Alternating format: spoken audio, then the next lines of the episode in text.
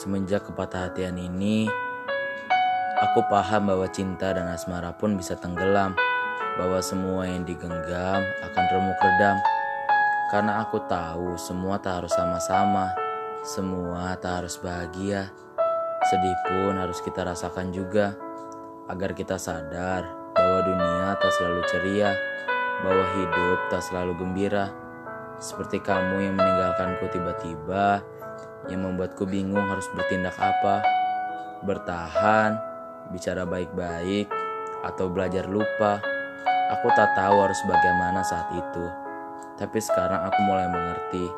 Semua sakit dan semua luka yang kau berikan justru membuatku sadar untuk semakin kuat dan semakin paham bagaimana agar aku jatuh hati di tempat yang tepat.